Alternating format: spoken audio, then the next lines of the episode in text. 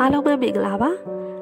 ကျမဒီနေ့ဆွေးနွေးမယ့်အကြောင်းအရာလေးကတော့ confirmation bias ဆိုတဲ့အကြောင်းအရာလေးပဲဖြစ်ပါတယ် confirmation bias ဆိုတာကကျမတို့တွေကိုယ့်ရဲ့ user ချက်ကိုယ့်ရဲ့ယက်တီချက်ကိုယ့်ရဲ့ nego ရှိပြီးသားဗဟုသုတတွေအပေါ်အခြေခံပြီးပြောလာတဲ့အချက်လက်တွေဆိုလို့ရှိရင်ဒါမှန်တယ်ဆိုပြီးတော့ကိုယ့်ဘာသာကိုအတီးပြုတ်လက်ခံလိုက်တာမျိုးပေါ့နော်အဲ့ဒါကိုဆိုလိုပါတယ်အဲ့ဒီအတွက်ကြောင့် confirmation bias ကြောင့်ဘာတွေဖြစ်လာလဲဆိုရင်ကျမတို့တွေကကိုယ်နဲ့ယက်တီမှုချင်းမတူတာကိုယ့်ရဲ့ယူဆချက်နဲ့မကိုက်ညီတာကိုယ့်ရဲ့ငကိုရှိပြီးသားဗဟုသုတနဲ့လာရောညီတွေမဖြစ်တဲ့အကြောင်းအရာတွေဆိုလို့ရှိရင်မှားတယ်ဆိုပြီးတော့ပေါ့နော်အဲအလွယ်တကူဝေဖန်ဆုံးဖြတ်လိုက်တာမျိုးတွေလည်းဖြစ်လာပါတယ် အဲ့ဒီတော့ကျမတို့ confirmation bias ဖြစ်တဲ့အခါမှာပုံစံ၃မျိုးနဲ့အကြမ်းမြင်အဖြစ်ဖြစ်လိမ့်ရှိပါတယ်ပထမတစ်ခုကတော့ကျမတို့တွေက bias information ပေါ့နော်တတိချက်လက်တွေစပြီးရယူကြတဲ့က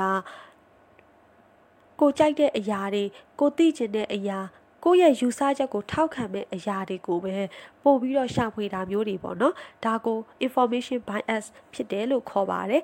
အာဥပမာအဖြစ်ဆိုရင်ခွေးချစ်တဲ့သူနဲ့ကြောင်ချစ်တဲ့သူရှိတယ်ဆိုပါစို့ခွေးချစ်တဲ့သူကလည်းခွေးကကြောင်ထက်ဘာကြောင့်ပိုချစ်ဖို့ကောင်းလဲဆိုတဲ့အချက်လက်တွေကိုကျမတို့တွေကရှာဖွေတယ်အဲ့ဒါကိုရှာပြီးဖတ်တယ်ပေါ့နော်အဲ့လိုပဲကြောင်ကိုချစ်တဲ့သူကလည်းကြောင်ကခွေးထက်ဘယ်နေရာဒီမှာတာတယ်ဘာတွေပို့ပြီးတော့ လှုပ်ဆောင်နိုင်စွမ်းရှိတယ်ဘာတွေပုံပြီးချစ်ဖို့ကောင်းတယ်ပေါ့နော်ဒီလိုအချက်လက်တွေကိုကျမတို့တွေကရှာဖွေလေးရှိပါတယ်ကိုလိုချင်တဲ့အချက်ကိုပဲကျမတို့ကရှာဖွေပြီးဖတ်လိုက်တဲ့သဘောပေါ့နော်အဲ့လိုနေရာဖြစ်ကျမတို့တွေကအာတရေချက်လက်ရရှိတဲ့နေရာမှာလဲဒါဗလိုက်မှုအချို့ပါလာတာပေါ့နော်အဲဒုတိယတစ်ခုကကြတော့ bias interpretation မှာအဲ့ဒါကကြတော့တတိချက်လက်ရရှိတာချင်းတူတယ်ဆိုလို့ရှိရင်တော့မှကိုယ့်ရဲ့ user ချက်ကိုယ့်ရဲ့ယက်တီချက်ကိုထောက်ခံပေးတဲ့ အချက်လက်တွေကိုပဲကိုကမြင်လိုက်တာဖတ်မိလိုက်တာသတိပြုမိလိုက်တာမျိုးပေါ့နော်အဲ့ဒါကိုဆိုလိုပါတယ်အဲအဲ့ဒီ bias interpretation နဲ့ပတ်သက်ပြီးတော့ဗော Stanford တက္ကသိုလ်ကဒါသူတေသနာလေးတစ်ခုပြုလုပ်ခဲ့ပါတယ်အဲ့ဒီသူတေသနာမှာဆိုလို့ရှိရင်သေတံပေးခြင်းကိုဒါလက်ခံတဲ့ចောင်းသားတစ်ဖွဲ့ရဲ့သေတံပေးခြင်းကိုလက်မခံတဲ့ចောင်းသားတစ်ဖွဲ့ရဲ့ကိုသူတို့တစ်ဖွဲ့လုံးကိုပေါ့နော်စာသုတေသနာစာတမ်းဒီအတူတူ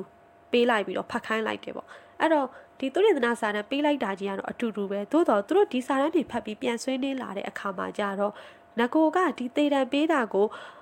လက်သင့်မခံတဲ့အဖွဲ့ရလည်းဒီစာတွေဖတ်ပြီးတဲ့အခါမှာဘာကြောင့်လက်သင့်မခံသင့်လဲဆိုတဲ့အချက်လက်တွေကိုဖော်ထုတ်ပြီးဆွေးနွေးလာတယ်။အဲ့လိုပဲဒီသေတံပေးတာကိုလက်သင့်ခံတဲ့အဖွဲ့ကလည်းဘာကြောင့်သေတံပေးတဲ့တယ်ဆိုတဲ့အချက်လက်တွေကိုဒါထုံနှုတ်ပြီးတော့ပေါ့နော်ဆွေးနွေးလာတာမျိုးတွေဖြစ်တယ်။အဲ့တော့ information ပေးလိုက်တာချင်းအတူတူဆိုပေမဲ့အဲ့ဒီ information ကိုရယူတဲ့အခါမှာကိုယ့်ရဲ့ယက်တီချက်အပေါ်မူတည်ပြီးကိုလိုချင်တာကိုဆွဲယူဆွေးနွေးဖြစ်ကြတယ်ကိုလိုချင်တဲ့ကိုယ့်ရဲ့ယက်တီချက်နဲ့တူညီတဲ့ဟာတွေကိုပို့ပြီးသတိပြုမိကြတယ်ဆိုတဲ့အချက်ကိုဓာတုတေသနာလေးပြုလုပ်ခဲ့ကြတာပေါ့နော်နောက်ဆုံးတစ်မျိုးကကြတော့ bias memory ပါကျမတို့တွေက memory ကိုပြန်ခေါ်တဲ့အခါမှာလဲကိုယ့်ရဲ့ဟိုးရှင်းနှစ်ပေါင်းများစွာပေါ့နော် ကိုမွေးလာကြတဲ့ကမွေးဖွားကြီးပြင်းလာတဲ့အခါမှာကိုသိခဲ့ရတဲ့ယုံကြည်ချက်တွေအပေါ်သိရှိလာခဲ့ရတဲ့ဗဟုသုတတွေအပေါ်အခြေခံပြီးတော့ကျမတို့တွေရဲ့အုံနောက်ကအလုပ်လုပ်ပါတယ်အဲ့တော့ကိုနကိုကသိခဲ့တဲ့အချက်တွေကိုနကိုကယူဆခဲ့တဲ့ယူဆချက်တွေနဲ့တူတဲ့ဟာတွေဆိုကျမတို့အုံနောက်ကပို့ပြီးတော့မှတ်မိပါတယ်အဲ့ဒီအတွက်ကြောင့်အစ်စ်အစမ်းတွေတို့ကိုနဲ့ရက်တီချက်မတူတဲ့ကိစ္စတွေတို့ဆိုလို့ရှိရင်ကျမတို့တွေရဲ့အုံနောက်ကအဲချက်ချင်းမှတ်မိလေးမရှိဘူးပေါ့နော် ဒါကြောင့်ကျမတို့ရဲ့အုံနောက်ကပုံမှန်ပါဆိုရင်ကိုယုံချင်တာကိုပဲယုံလိုက်တယ်အဲကိုမယုံချင်ဘူးကိုရက်တီချက်နဲ့မတူတဲ့ဟာမျိုးဆိုလို့ရှိရင်မယုံဘူးတွေဖြစ်လာတယ်ပေါ့နော်